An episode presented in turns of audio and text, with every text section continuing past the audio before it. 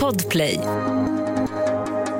Hej och varmt välkommen till ett nytt avsnitt av podden Snutsnack med mig, Hasse Brontén. Idag heter min gäst Tobbe och han har gjort en grej som jag tänkte göra men som ju inte blev av. Han skrev en bok om sina polisiära upplevelser, eller en del av de saker han har varit med om under sin polisiära karriär. Och jag kan säga att den här boken är väldigt intressant och det ger också en otroligt spännande bild av polisyrket. För att snacka om highs and lows eh, som han har varit med om. Jag rekommenderar boken och vi ska prata om den såklart i avsnittet alldeles strax som är väldigt intressant. Också ett intressant Patreon-avsnitt. Patreon kan du ju bli på patreon.com snutsnack. Där kan du höra bonusmaterial. Men det finns ju på andra sociala medier, Facebook och Instagram också. Ja, nej, nu ska vi släppa fram eh, Tobbe. Så jag hoppas att du får en väldigt intressant lyssning. Och så vill jag att du är försiktig där ute också. 1310 570 kom. 1310 Odengatan kom. Ja, det är uppfattat. Vi tar det. Slut. Bra. Klart slut. Jag säger än en gång, eh, på grund av tekniska problem, välkommen till Snutsnack Tobbe. Tack så mycket igen. jag lyckas med tekniken här. Jo, eh, vi pratade om det innan här. Vi pratar om glass och kaffe. Ja, glass och kaffe. Då Ja. har vi, vi har druckit kaffe och käkat glass. här Och du innan. visat lägenheten. Ja, det har jag gjort. Ja, det har du gjort. Ja, den var nu, fin. Ja, tack. Nu är vi redo att podda lite. Eh, jo, jag sa också det att en gång i tiden hade jag en tanke att göra en sak som du har gjort. Att skriva en bok om de händelserna jag har varit med om inom polisen. Men du har verkligen gjort det. Yes. Berätta, hur kom det sig att det blev en bok? Bakom uniformen heter den i alla fall. Mm, nej, det var inte meningen. Det var Nej. inte alls meningen. Nej, det var det inte. Det var inte det? Nej, en eh, kollega startade eh, Lundapolisens Facebook-konto för eh, ja, sju, åtta år sedan. Eh, och så var det i samband med det som han eh, frågade mig om inte jag kunde bidra med någonting. Eh, em, jag som hade jobbat och jobbat så mycket i yttre tjänst. Jag var väl först väldigt tveksam till det. Jag har ju själv inga sociala medier överhuvudtaget. Em, så att jag sa väl nästan, jag sa nej. Men sen i samband med det någon vecka senare så skulle jag lämna in en, min gamla uttjänta hjälm, min gamla uttjänta insatshjälm. Och när jag lämnade in den här hjälmen, så den här förrådskillen eller som höll på med uniformerna, han tittade på hjälmen när han tog emot den och sa att den här hjälmen måste ha varit med om en hel del. Tänk om hjälmar kunde tala eller något åt det hållet. Mm, det. Ja, det har den ju varit med om. Så att, eh, sen när jag kom hem så tänkte jag, ja, men tänk man kunde skriva ner allt det som den hjälmen har varit med om. Och då gjorde jag det på mitt sätt att skriva eh, vad den har varit med om. Och tackade hjälmen för att den har räddat mitt liv så många gånger. Och sen så lämnade jag över den texten till min kollega, varav han publicerade den på Facebook-sidan och eh, den blev väldigt omtyckt. Jag tror det var på den tiden 35 000 som hade läst den krönikan då. Mm. Ehm, och det var stort på den tiden. Ja. Så att nej, eh, på den, ja, så blev det helt enkelt. Så jag fick lite blodad tand och eh, fortsatte skriva.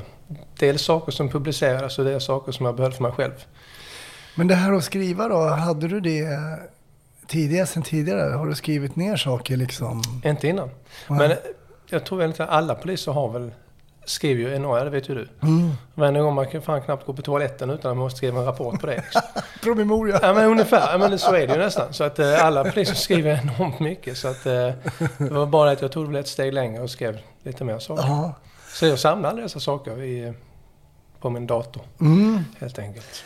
Ja, men jag har precis läst den här boken då, bakom uniformen och eh, det var ju en sträckläsning. Det var faktiskt superintressant. Och nu, jag är ju ex-polis då och det växer ju mycket minnen och så. Man kommer på ah, grejer som man har Ja, det har ju legat hårddisken säkert i 30 år, men så bara ploppar det upp. Jag tänkte, ja ah, just det, vi var ju på en sån där. Ja, grej." du så det, det blir spännande att, att väcka gamla tankar. Men de här casen då, det, jag vet inte hur många case det är exakt här, men det är, Det är 40 kapitel det är 40 kapitel, Ja, ja, med ett ärende kan man säga. per kapitel.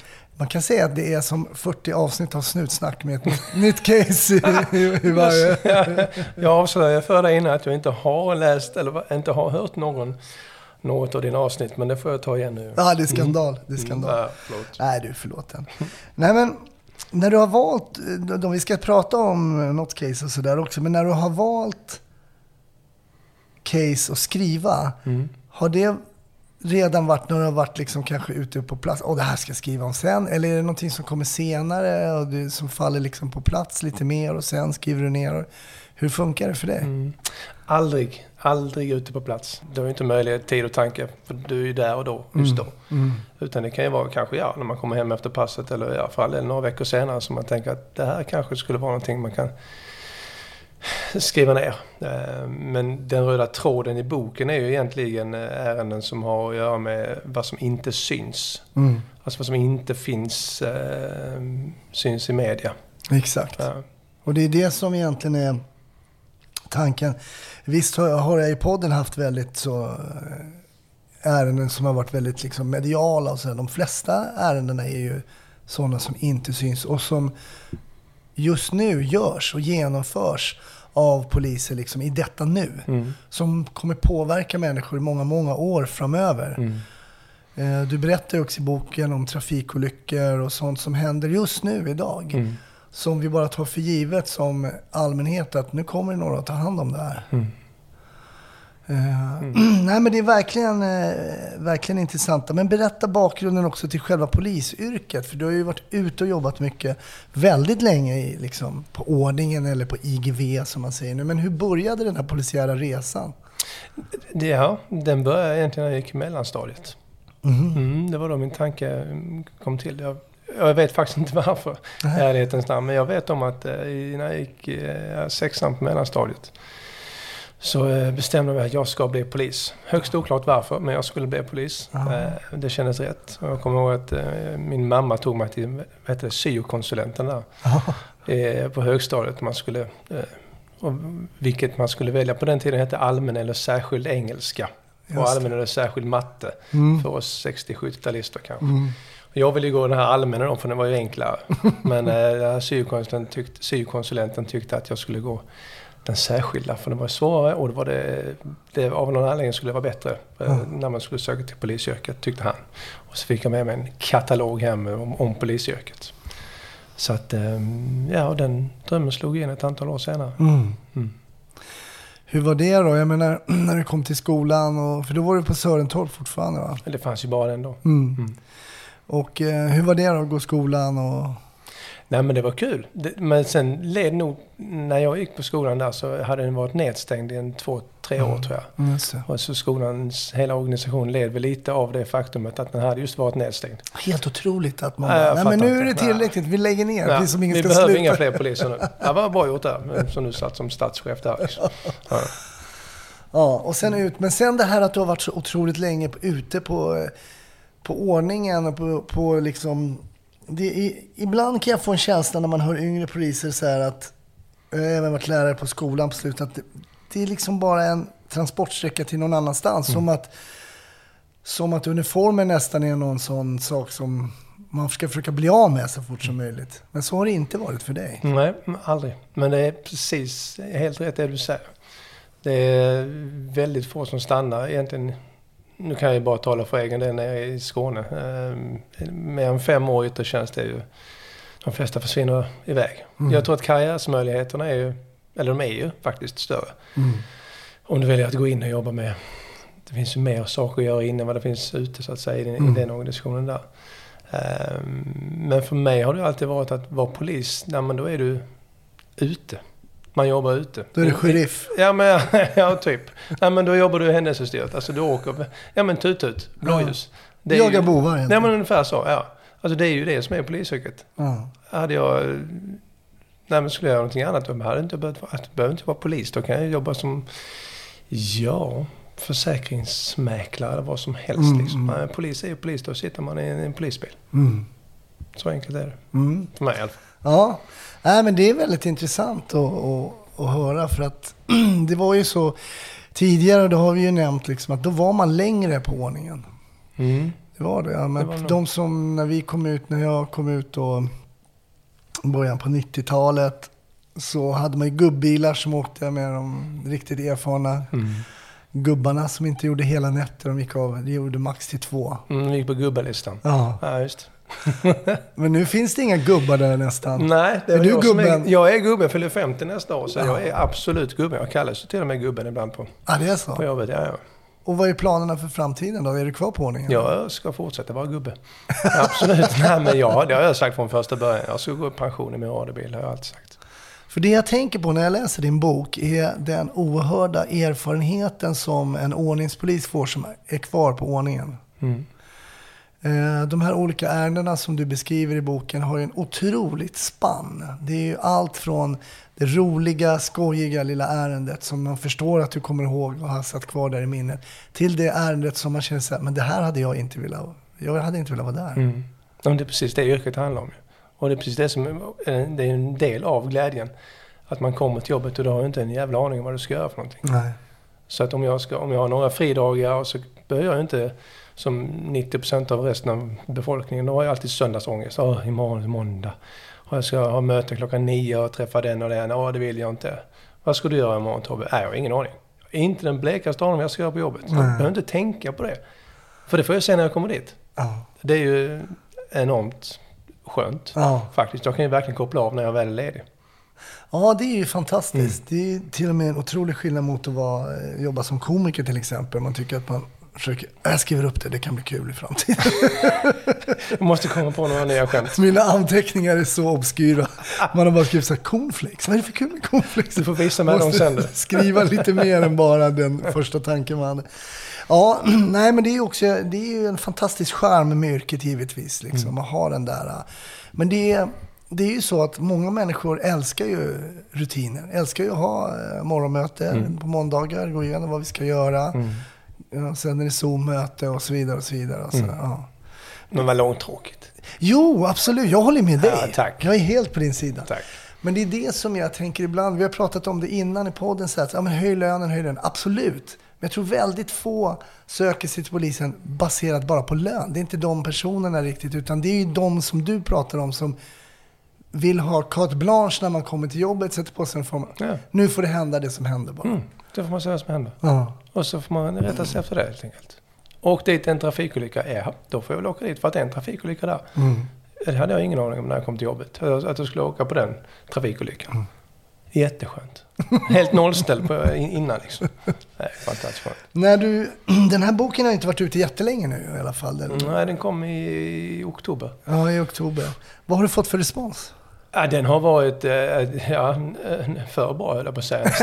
nej, men, nej, den, var, den, den sålde ju slut där i, precis, eh, om det var typ på julafton sålde den slut. Ja. Där, sen, sen tryckte de upp en massa nya då. Mm. Så att, nej, det är jättefin respons jag har fått. Eh, Tyvärr har jag inte fått någonting negativt än.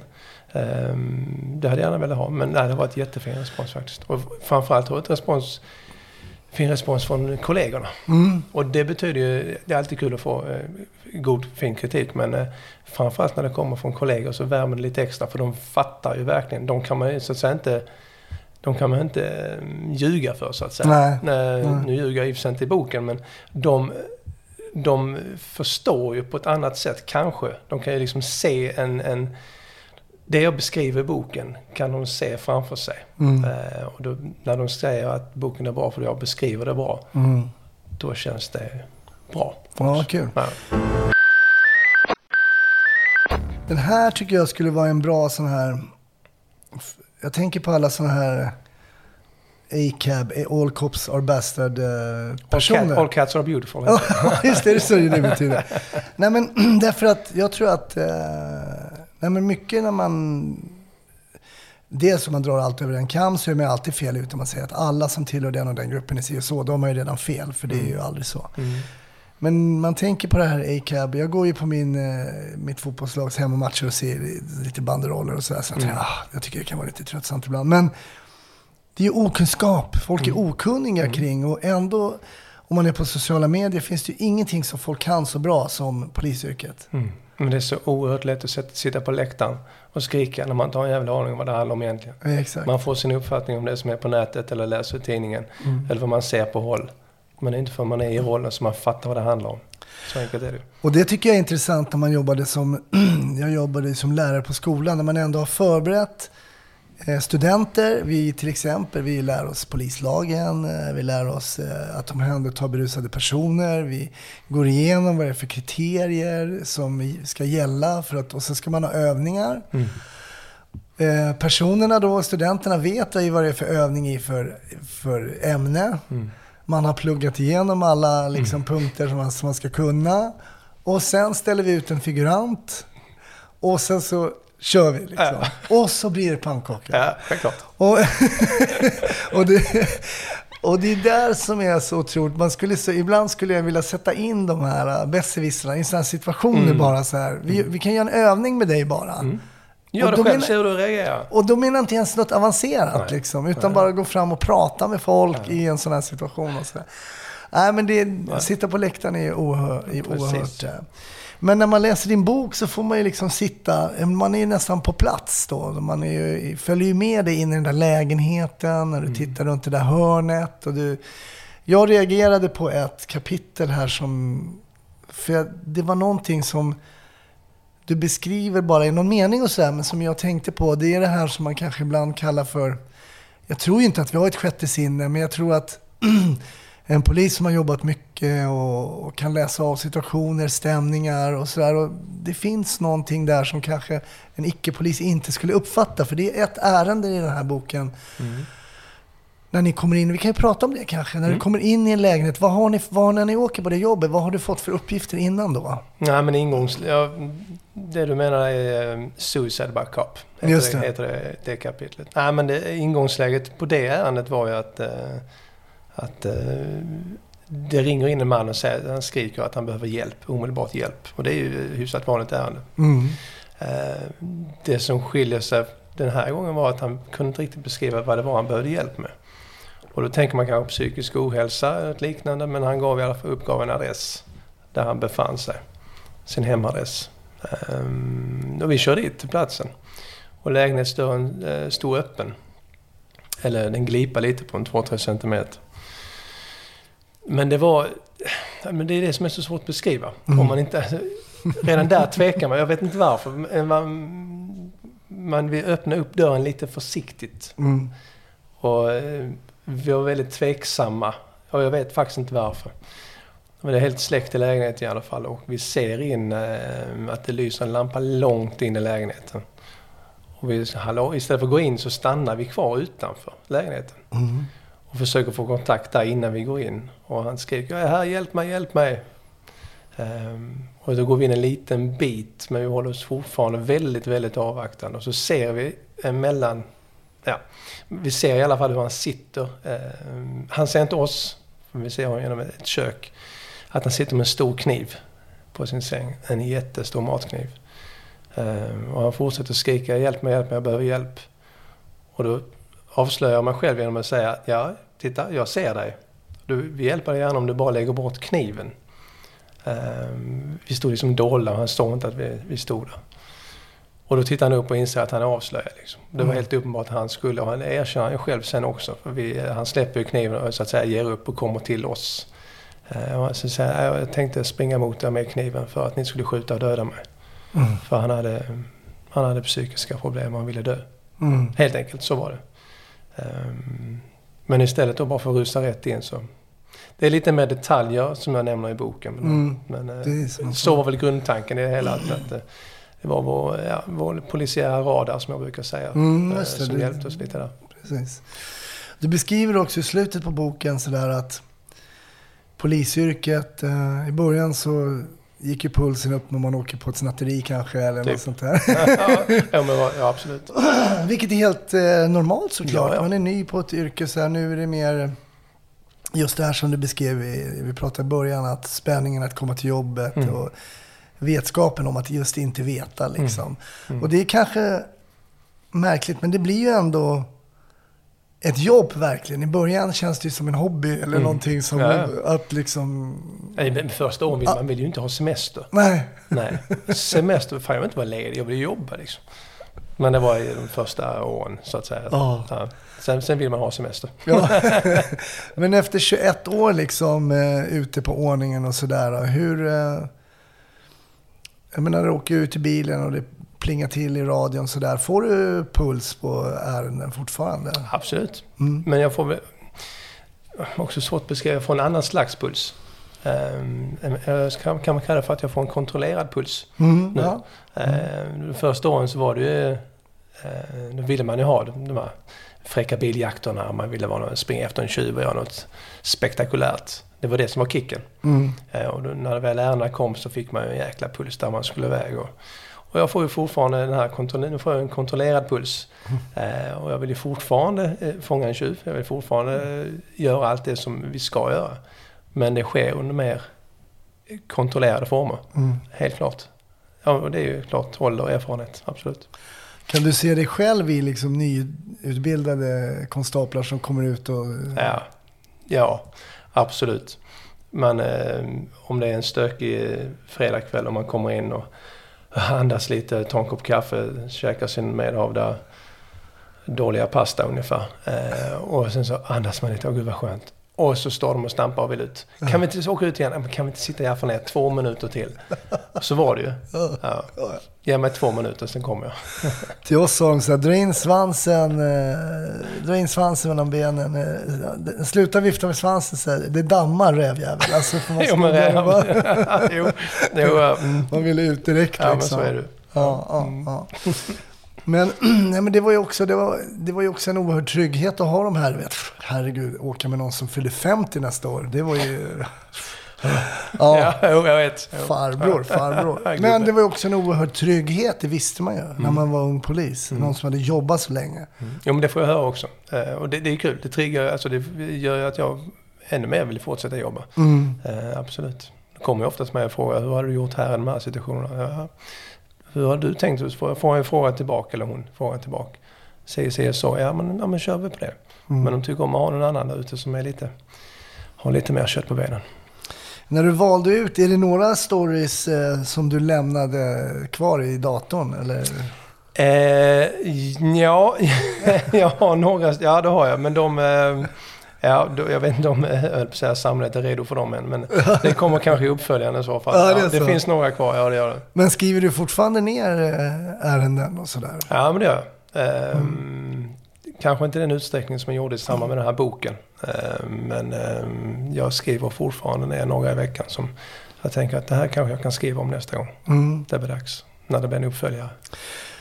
För de här kapitlen är också lite olika skrivna. Du be- berättar ju om det här initiala som du skrev på Facebook om din hjälm. Det är ju Mm. liksom... det, är, det är ju en... Ja, men du beskriver hjälmen som din bästa kompis lite grann och den har stöttat dig och så här. Det är ju också lite... Jag vet inte, prosa kanske man inte ska kalla det, men eh, Jo, det ja. kan man väl göra. Absolut. Eh, Och de här historierna har liksom ja, lite olika form och, och, och sådär. Jag tycker det är kul att det inte bara här, jag var med om följande en gång, vi åkte fram till en plats. Utan Nej. de, de, De är skrivna på, på olika sätt. de är skrivna på olika Ja, sätt. någon, ja. Något kapitel skriver jag i tredje form till exempel. Ja. Jag skriver att eh, det är inte jag som... Det är precis som att det, det, det är barn, just den händelsen så var det ett barn som var inblandat. Och då Mm. skriver jag i den berättelsen som att det är ett litet barn som skriver ner det. Just det. Eh, hur barnet upplever hela situationen. Mm. Och sen har jag visst att några andra är lite mer, vad sa du, prosa? Ja, Ja, men lite poesi, så. prosa, poetiskt, ja. Jo, men lite Några så. andra, Det ja, tycker, jag, det tycker jag är kul med boken, att den eh, svänger lite också i form och, och, så, och i, i formatet. Jag reagerade också på ett annat kapitel och det är så, vi pratade om det lite innan. Många som läser den här boken kommer tycka att olika kapitel är olika bra. Mm. Och det gör vi för att vi är olika individer och vad vi själva gillar och vad vi har med oss och sådär. Mm. Men jag reagerade på en, eh, ett kapitel som heter Jag har en häst i fickan. Mm. Och det, handlade om, det handlar om eh, psykisk ohälsa, en person som säger sig ha en häst i fickan. Det börjar så, det ärendet. Mm. Och det- här är någonting som jag förstår som ni möter mycket när ni är ute och jobbar nu. För den här personen var ju psykiskt sjuk, mådde inte bra. Mm. Och min pappa var ju också psykiskt sjuk. Så därför får jag, får jag eh, lite vibes. Mm. Det som var speciellt med min pappa var att han var polis och psykiskt sjuk. Mm. Så han fick ju inte, han fick ju inte vara ute och jobba. Och när han sen också var frisk, alltså det var ganska sjukt med när pappa var friskförklarad, fick Mm. lämna sjukhus och var friskförklarad, fick han kom, börja jobba som polis igen. Man fick inte bära vapen. Mm. Ja, ja. Och han var, ja, det blev inte bättre av det. Det sköttes väldigt, väldigt dåligt. Men just psykisk ohälsa tänkte jag liksom generellt. Hur ofta stöter du på det i jobbet? Jätteofta. Ja. Enormt ofta. Och jag har inga, jag har inga fakta på det men eh, jag är fullständigt övertygad om att psykisk ohälsa har, de ärendena har ökat ja, markant sen Mm. jag började för 21 år sedan. Varför vet jag inte men det har absolut ökat. Det var varannat pass så möter vi någon som mår psykiskt dåligt mer eller mindre. Absolut. För det kan ju vara nog svårt att prata med folk som kanske är berusade eller upprörda eller Mm. chockade eller ledsna och sådär. Men när man pratar med personer som kanske är psykotiska, Mm. eh, då, är det ju, då får man snäppa till det på en, en grad till på den skalan på något sätt. Ja absolut, alltså, det finns ju grader i helvetet där också. Mm. Det finns ju de som, eh, är det riktigt, riktigt illa så, så går det ju knappt ens att föra någon som helst form av vettig konversation med dem. Utan då får man försöka nästan locka dem. Alltså, ja, komma till oss. Vi, vi ska försöka hjälpa dig på något sätt. Och sen eh, köra rakt in till psyket. Mm. Det går knappt att prata med dem om det, om det är riktigt illa. Sen Mm. finns det ju andra typer. Där det kan vara tunga missbrukare som på, genom det sättet har utvecklat psykisk ohälsa också. Plus det kan komma från, eh, eh, från blixt från en klarblå himmel. Mm. Eh, hemma hos en helt vanlig familj. Och en vacker dag så är det någon som börjar må psykiskt dåligt av någon oklar anledning. Det finns så många olika varianter på det. Mm. Ja, något som är väldigt, väldigt tråkigt och egentligen, det är ju sällan är ju egentligen psykisk sjukdom ett, i, sällan polisiära eh, ärenden Nej men egentligen. egentligen inte. Det är, Nej. inte, det är inte polisiärt att, ha- att må psykiskt dåligt. Det är, jag tror det kom en undersökning för något halvår sedan var det, och 8% av Sveriges befolkning har psykiska besvär. Mm. Och det är inget polisiärt, det är en sjukdom. Mm. Men det, spiller, det blir ju polisiärt när, när de kanske går ut och ska begå självmord. Eller när de, väl, och när de gör, begår självmord. Mm. Eh, eller går ut i trafiken och ställer sig om det, var det är på den nivån. Eller ja, det kan vara misshandel, det kan vara våld i hemmet. Eh, brott i nära relation. Det kan bli hur mycket som helst av det. Mm. Men vad påverkar det yrket då? För jag förstår ju efter 20 plus år att man blir, ja, jag vet inte om man ska kalla det för härdad eller van eller... För det blir ju någon form ändå... Till exempel, jag var uppe med mina studenter på bårhuset. Det här att man ska se en död person kanske man aldrig har gjort. Man är ganska ung, börjar jobba som polis och har inte sett döden på ett så sätt. Liksom. Men det får man, det är oundvikligt som polis att inte möta döden till exempel och i olika former. Du nämnde nu här Suicide by Cop till exempel. Men vi har ju bara olyckor, vi har arbetsplatsolyckor, trafikolyckor och sådär. Men eh, blir, blir man van? Och Nej. nej. Absolut inte. nej. Det, det, det finns kollegor som säger att man blir, nej, man vänjer sig, det är ingenting. Det, är bara, det, jag- det skriver jag också i ett annat kapitel i boken, att det är ja, kvalificerat skitsnack. Man vänjer sig inte. De som säger det ljuger. Så nu vet du det. nej, men eh, man, man gör inte det bara. Nej. Däremot, eh, man lär sig att hantera de situationerna. Mm. Eh, de här små knepen som inte går att lära ut på skolan. Utan man får helt enkelt learning by doing och hänga med någon som, som kan och som är rutinerad. De Mm. små knepen hur man ska hantera de olika situationerna. Men att man vänjer sig, det gör man, det gör man absolut inte.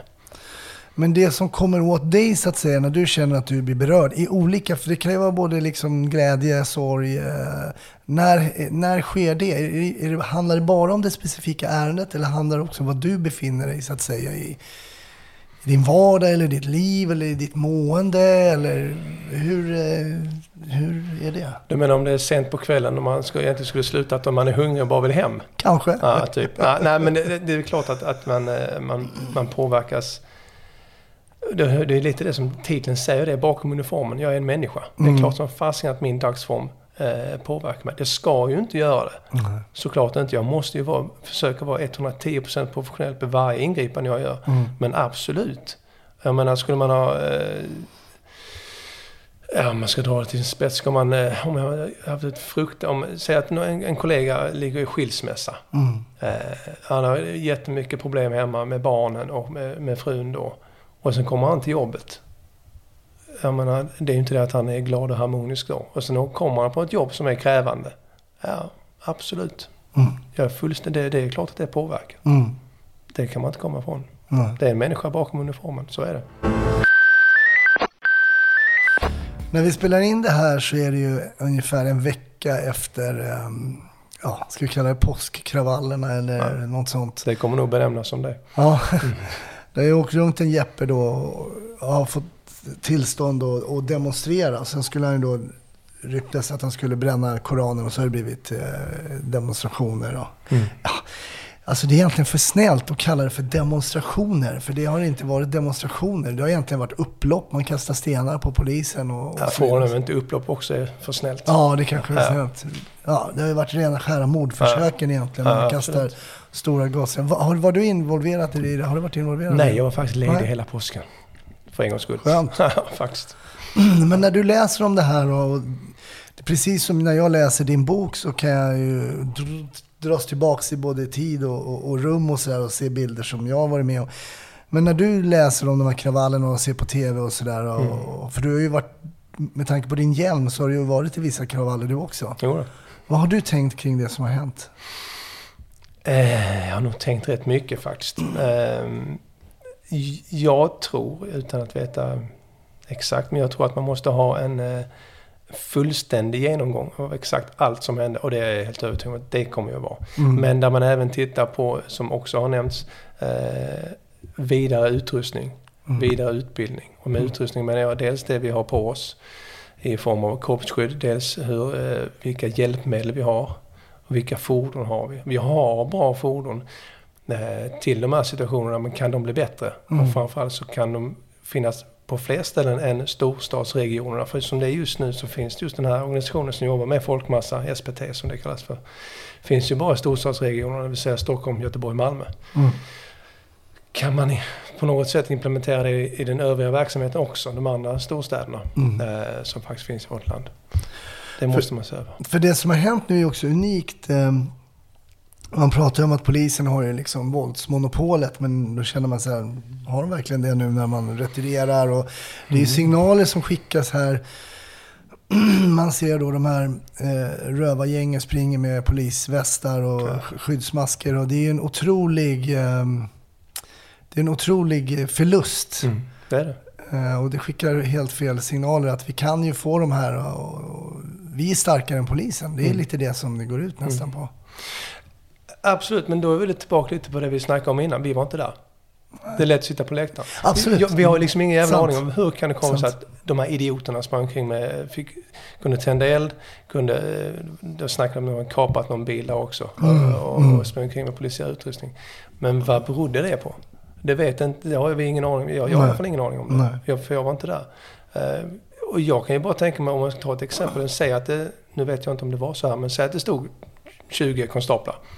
Och sen kommer det 500 personer springande. Mm. Nu tror jag kanske är lite, men 20 stycken, det kommer 500 stycken som vill döda dem. Då har ju inte de en chans. Nej. Då kanske det är taktiskt rätt att backa, eh, söka skydd, skydd.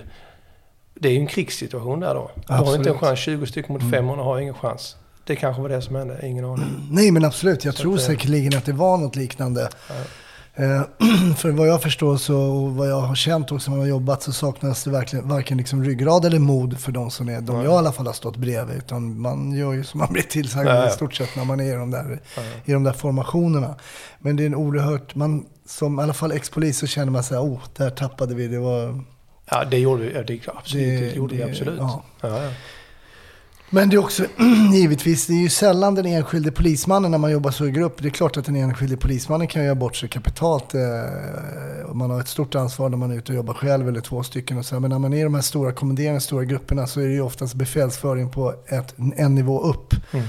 Och där måste man också titta över. eh, ja hela organisationen. Jobba Mm. vidare med det helt enkelt. Jag pratade med Dick tidigare avsnitt som hade varit med Linköping och kravallen och han menade på att efter den här SPT'n, han hade en känsla av att man hade liksom den byggde man ju efter Göteborgskravallerna, man byggde upp det där, vi Mm. behöver det och det. Men han tyckte att man har snäppt ner sig. Okej, vi kan ta bort ett fordon där, vi behöver inte ha lika många där. Ta bort lite, lite grann. Man har snäppt ner lite grann, så inte riktigt, riktigt samma bemanning. Jag vet inte det, det är hans egna ord. Men, Ja, men så var det kanske. Det, Så att- men organisationen tycker jag, ja den, har- den, har, den SPT, precis som du säger, Göteborgskravallerna 2001 var det va? Jo, det var. Mm. Eh, Det kom ett betänkande på 800 sidor. Det var Ingvar Carlsson som, har jag för mig, som ledde den eh, utredningen. Och där kommer vi egentligen fram till två huvudsaker. Det är Rakel, att vi måste ha ett nytt radiosystem och vi måste ha ett nytt system Mm. med ingripande mot folkmassa. Jag vet. Eh, Men sen har ju den organisationen, den kom på fötter 2005, ja, fyra år senare. Ehm, Och den organisationen har ändrats lite i sig genom åren. Men inte överdrivet mycket. Och jag tycker att den har funkat jättebra. Men det vi som var nu under påsken, det var någonting helt annat. Och då får SBT-organisationen snäppa upp lite och rätta sig efter det helt enkelt. Absolut. Av alla, av alla case som du har varit med om, för när man bara tänker 21 år eh, ute på, eh, på gator och torg så är det ju en oerhörd. Men vilket case sitter kvar starkast i ditt minne? Vilken fråga. Ja, jag vet. Den du. Tänkte du på den länge? De flesta brukar få den. Ja, men ja, gud ja. Nej, men... Generellt sett så är det väl egentligen när, när, när barn far illa. Jag tror att de flesta kollegor svarar just så faktiskt. Att när barn på något sätt far illa, om det är misär i hemmet eller om, ja, om, ja, eller om de dör i en trafikolycka. Det är ju alltid de jobbigaste ärendena eh, som man mest tar med sig hem. Ehm, men jag har egentligen, faktiskt, jag kan inte svara på det. Jag har inget det ärendet. Nej. Det har jag inte, utan det är en samlad. Och jag kan nog påstå att boken samlar väl kanske... Ja, den samlar faktiskt rätt bra Mm, ja. av eh, de eh, ärenden jag har varit på. Faktiskt. Och den samlar ju också eh, i alla fall minst ett sånt ärende som du nämner. Trafikolyckor och barn. Mm. Mm. Mm. Men hur, jag menar du nämnde precis, du har ju barn själv liksom. Och har det förändrats för dig innan du blev pappa och efter du blev pappa? Hur du reagerar på saker i ditt yrke? Absolut. Och hemma. Ja. Men nu kan man ju inte, alltså när man sitter och kollar på TV till exempel, när det kommer en, någon sekvens där då, när de gör reklam, för, eller inte reklam, men när de visar eh, något fattigt, barn- fattiga barnhem där, postgiro och man ska sätta in pengar. Jag kan ju inte ens titta på det, jag måste kolla bort. När man ser något stackars litet barn som ligger utsvultet där. Det går ju inte. Eh, Men visst, på jobbet har det absolut eh, påverkat mig. Eh, Så fort man är på de här typen av ärenden så hugger det till ännu mer i hjärtat än vad det gjorde innan. Det, när man fick barn så har man ju hjärtat passerat utanför kroppen. Det är ju så skört så att det, så är det ju ibland. För jag tänker att det måste ändå finnas ärenden när de dyker upp på radion sådär. Så säger de så här, du är det och det. Så tänker man, fan. Inte idag alltså. Mm. Inte åka på, men du måste ju åka ändå. Men den känslan då att passera den, för det måste ju dyka upp även hos dig som är en erfaren liksom, polis. Att när de säger det här, till exempel bilolycka, troligtvis barn inblandat till exempel. Nej men du, du, man måste ju göra det. Vi måste ju köra dit. Sen, sen är det ju faktiskt så att om, om du tar det exemplet att en trafikolycka, det är ett barn som är inblandat och död. Ja, men om jag då till exempel har varit på liknande olyckor de senaste veckorna eller haft många tunga ärenden bakom, då kan jag ju välja eller säga till mina kollegor att okej, jag backar lite här nu för jag har haft så jäkla mycket. De senaste, så jag kan ta avspärrningen, jag kan ta eh, allt annat runt omkring. Men kan ni gå fram och jobba där framme? Då är det inga problem, absolut, vi tar det. Det. Och vice versa såklart. Mm. Ja, precis, för att ursäkta, ett sånt allvarligt liksom, case då som kanske en trafikolycka med dödlig utgång och så, här, så finns det ju faktiskt väldigt olika arbetsuppgifter att göra. Ja, det dräller av dem. Och eh, där man kanske har varit på exakt samma jobb på pappret, Mm. men upplevelsen kring det jobbet är helt på olika sidor av spektrat. Ja, absolut. Någon kanske bara stått och vinkat bort bilar. Mm. Och någon har försökt kanske hjälpa någon Mm. På plats som är fastklämd eller någonting Ja, sånt där. Helt olika. Helt olika. Visst är det så. Men jag menar, så, så är det den gången. Sen nästa gång, så, som jag sa innan, är det vice versa. Då är det jag som är längst fram och jobbar. Och den som var längst fram förra gången, då är det han som håller avspärrningen. Om det just nu är det det handlar om. Så att eh, man försöker ja, dela ut lite på den tunga bördan där. Mm. Absolut. Men funkar det att säga så också? Man kan göra det bland kollegor. Så Ja, så, men, absolut. Sen ofta vet, alltså vi jobbar ju mycket tillsammans, vi jobbar ju tillsammans. Så ofta vet ju, om jag har haft några, några tunga ärenden, så, så, så vet ju kollegorna det att, nej men Tobbe du var på det förra veckan, vi tar denna. Till exempel om du går ut på radion att, eh, ja men vi får åka till den och den adressen för vi måste underrätta eh, föräldrarna att deras barn har eh, ja, dött, blivit påkört och, och, och dött. Ja, det är ett ärende i boken bland annat. mm. Ehm, då hör ju de andra kollegorna hör det radion att jag blir skickad på det. Mm. Vet de då om att jag var på det, ett likadant ärende för bara ja, någon månad sedan. Mm. Medan någon annan inte har varit på ett sånt ärende tidigare, alternativt var ett tag sedan de var på det. Mm. Då hugger de på det. Ja, men vi, vi tar det istället. För det har ju inte ledningscentralen som skickas på ärendet. De har ju ingen koll på det egentligen. Nej. Ehm, Så att, ja. Så man delar på bördan helt enkelt. Mm. På just de tunga ärendena. Men du säger att du kommer pensionera dig som ordningspolis. ja, det kommer jag. Jag lovar det. Det är så? Ja. Hej, bjud in mig när jag fyller 65. Absolut. Tack. En glass till då va? Då är det bara att då har jag gått i pension. Ja, då får jag specialavsnitt då. Ja, nej men det är häftigt.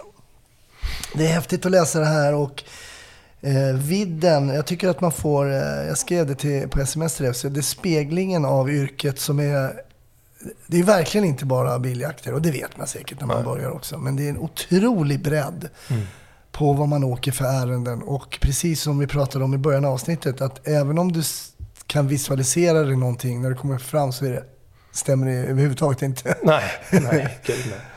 Men vi har ju pratat mycket i podden om den här mentala, att man ska ha liksom en mental förberedelse på något sätt eh, när man kanske är på väg någonting. Har du, har du något sätt att förbereda dig när du är på väg mot någonting som är lite så att säga större då än ett vanligt kanske snatteri eller något sånt där? Mm. Jo, men det har man väl. Det beror ju återigen det beror helt och hållet på vilken typ av ärende det är. Mm. Ehm, ja, man får helt enkelt man får stålsätta sig. Men skulle man säga att det är en... eh, Ja, men, om vi tar trafikolycka igen. Mm. Då får man helt enkelt tänka på att eh, okej, nu kommer, kommer det kanske bli riktigt jäkla blodigt här. Och då vet jag ju om hur jag reagerar. Mm. Så redan där har jag den mentala förberedelsen lite klar. Ehm, Men den mentala förberedelsen kan också vara att man talar med sin, vilket man gör, på väg fram till ärendet. Mm. Med kollegan som sitter bredvid, som kanske inte har varit med om eh, liknande saker. Att man pratar, ja, nu kommer vi kanske möta detta och detta. Eh, händer det så, så, så gör vi si och så. Händer det så, gör, alltså en, en mental vokalisk förberedelse. Mm. Där man pratar med varandra och mentalt peppar varandra. Eh, såklart beroende på vilket ärende det är. Mm. Ja, absolut. När du var ung och kom på ärenden där du inte hade kontrollerad puls. har ja. Har du känt att du har liksom gjort grejer i tidiga år som du har kunnat liksom räta upp lite grann? Att så här, förr gjorde jag så och nu har det blivit bättre och bättre. Mm. Jag tror, eller rätt sagt jag vet att nu är man mycket mer lugn. Mm. Jag har inte så jävla bråttom längre. Nej. När man väl är på ärendet. Mm. Bråttom har man fortfarande på väg till ärende beroende på vilken ärende det är. Men när man väl är på ärendet så kopplar man ju av på ett helt annat sätt nu än vad, vad man gjorde förr. Nu, är, nu, är det, nu är jag här, nu tar jag den tid det tar för att få reda ut detta. Medan när man var ung så vill man egentligen bara så fort som möjligt få det överstökat för att man vill in och avrapportera så att man fattar vad det var man gjorde. För det är ofta när man kommer in som man efteråt, okej vad var det jag gjorde nu? Nu får jag skriva ner detta noggrant. Medan där ute kan jag liksom, jag kan fatta detta här och nu. Mm. Eh, jag tror att de flesta poliser är, man är rätt omogen när man kommer ut för att Alltså Polishögskolan är ju lite av en skyddad verkstad, såklart. Mm. Alltså det är ju skådespelare, de som man spelar mot är ju ens klasskamrater. Mm. Men sen när man väl kommer ut så är det helt plötsligt på riktigt och då blir man ju rätt stressad. Mm. Eh, Men när man väl då har jobbat länge så ja, då kan man ta det rätt lugnt ute på plats. Samla tankarna på ett annat sätt ute på plats än vad man kunde. Hade du någon, eh, när du började, hade du någon 50-åring eller någon som du, så, som du såg upp till, som du kanske liksom Jo. tog till dig av liksom? För jag, jag hade några äldre som jag liksom, jaha, är det så där? Det var en nyckel som inte jag har haft riktigt så. Mm. Jo, men det hade jag. Och det är jag tacksam för. Mm. Mycket tacksam. Eh, jag tror det tog eh, gott och väl drygt ett år innan man fick åka med någon som eh, var i samma unga ålder som Mm. en själv. Och det f- första året åkte man ju bara med sådana gubbar som jag då är nu, typ 50. Ehm, men det var det var ju jätte, jättelärorikt. Man lärde sig jättemycket av de här Ja. gubbarna som vi själva är nu då. Ja, Ja. absolut.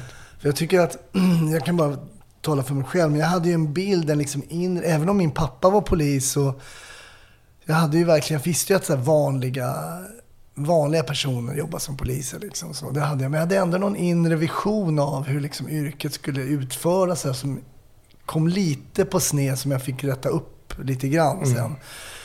Och det var väl det för mig. Min styrka var ju det att, var ju att prata, prata, prata. Alltså prata väldigt mycket. Så kom jag på efter ett tag, men jag är ganska bra på det. Och liksom kunna knyta en kontakt och ta det lugnt och, och sådär. För Men- inledande fraser är det försökte jag säga till dem det är så himla viktigt de första sekunderna egentligen. Att bara säga så här, hej hur mår du eller något sånt där. Istället för typ sitt ner.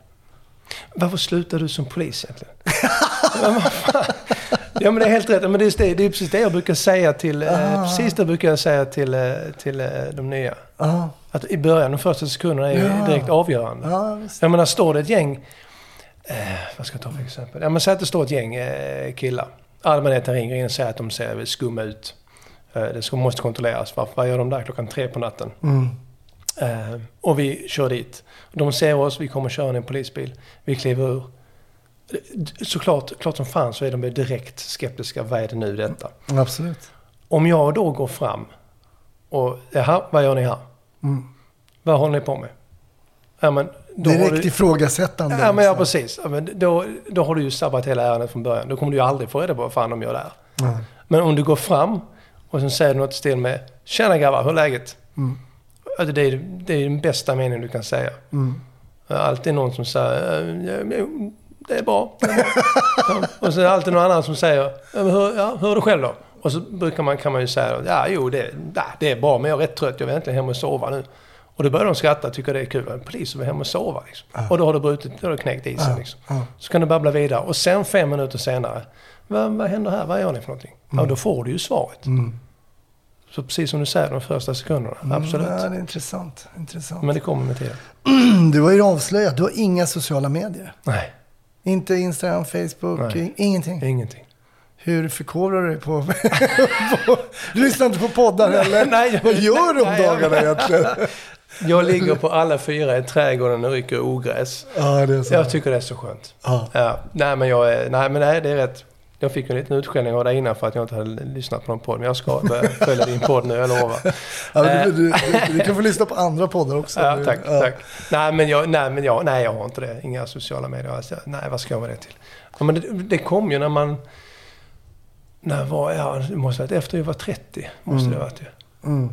Och jag klarade mig alldeles utmärkt utan ha sociala medier innan, innan 30. Mm. Så att, nej, då behöver jag inte ha det nu heller. Då kan jag ligga där på alla fyra i min gräsmatta och rycka, rycka ogräs och må alldeles bra. Lite sådär, kör en Ferdinand över det hela. Brukar jag alltid av, avsluta och fråga vad, vad du kollar på för polisfilmer och sådär. Hur står det till med den biten?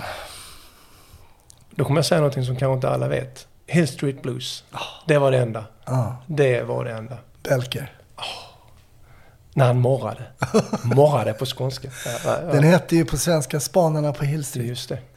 Och där har jag en gammal klasskamrat på polisskolan. Vi gick ju då, han gifte sig väl då, jag tror vi gick, det måste ha varit 90 någonting. Hans farsa var från Chicago, där det utspelade sig. När de kom in, brudparet i kyrkan. Äh. Dun, dun, Nej. dun, Ja. dun. Det är ju världens bästa intro. Ja, det är en av- världens bästa intro. Och där rundar vi av. Jag säger Tobbe, stort tack för att du var gästade. Eh, Och jag rekommenderar verkligen eh, till dig lyssnare som inte har eh, läst boken och bakom uniformen från Idus förlag. Den finns väl där böcker finns helt enkelt. ja, överallt. Ja, Ja. precis. Köp den. Och jag, ska, jag har läst den här så jag kommer nog lotta ut den här till en av mina lyssnare så någon annan får läsa den. Snyggt. Men vi ska prata vidare i Patreon-avsnitt också. Absolut.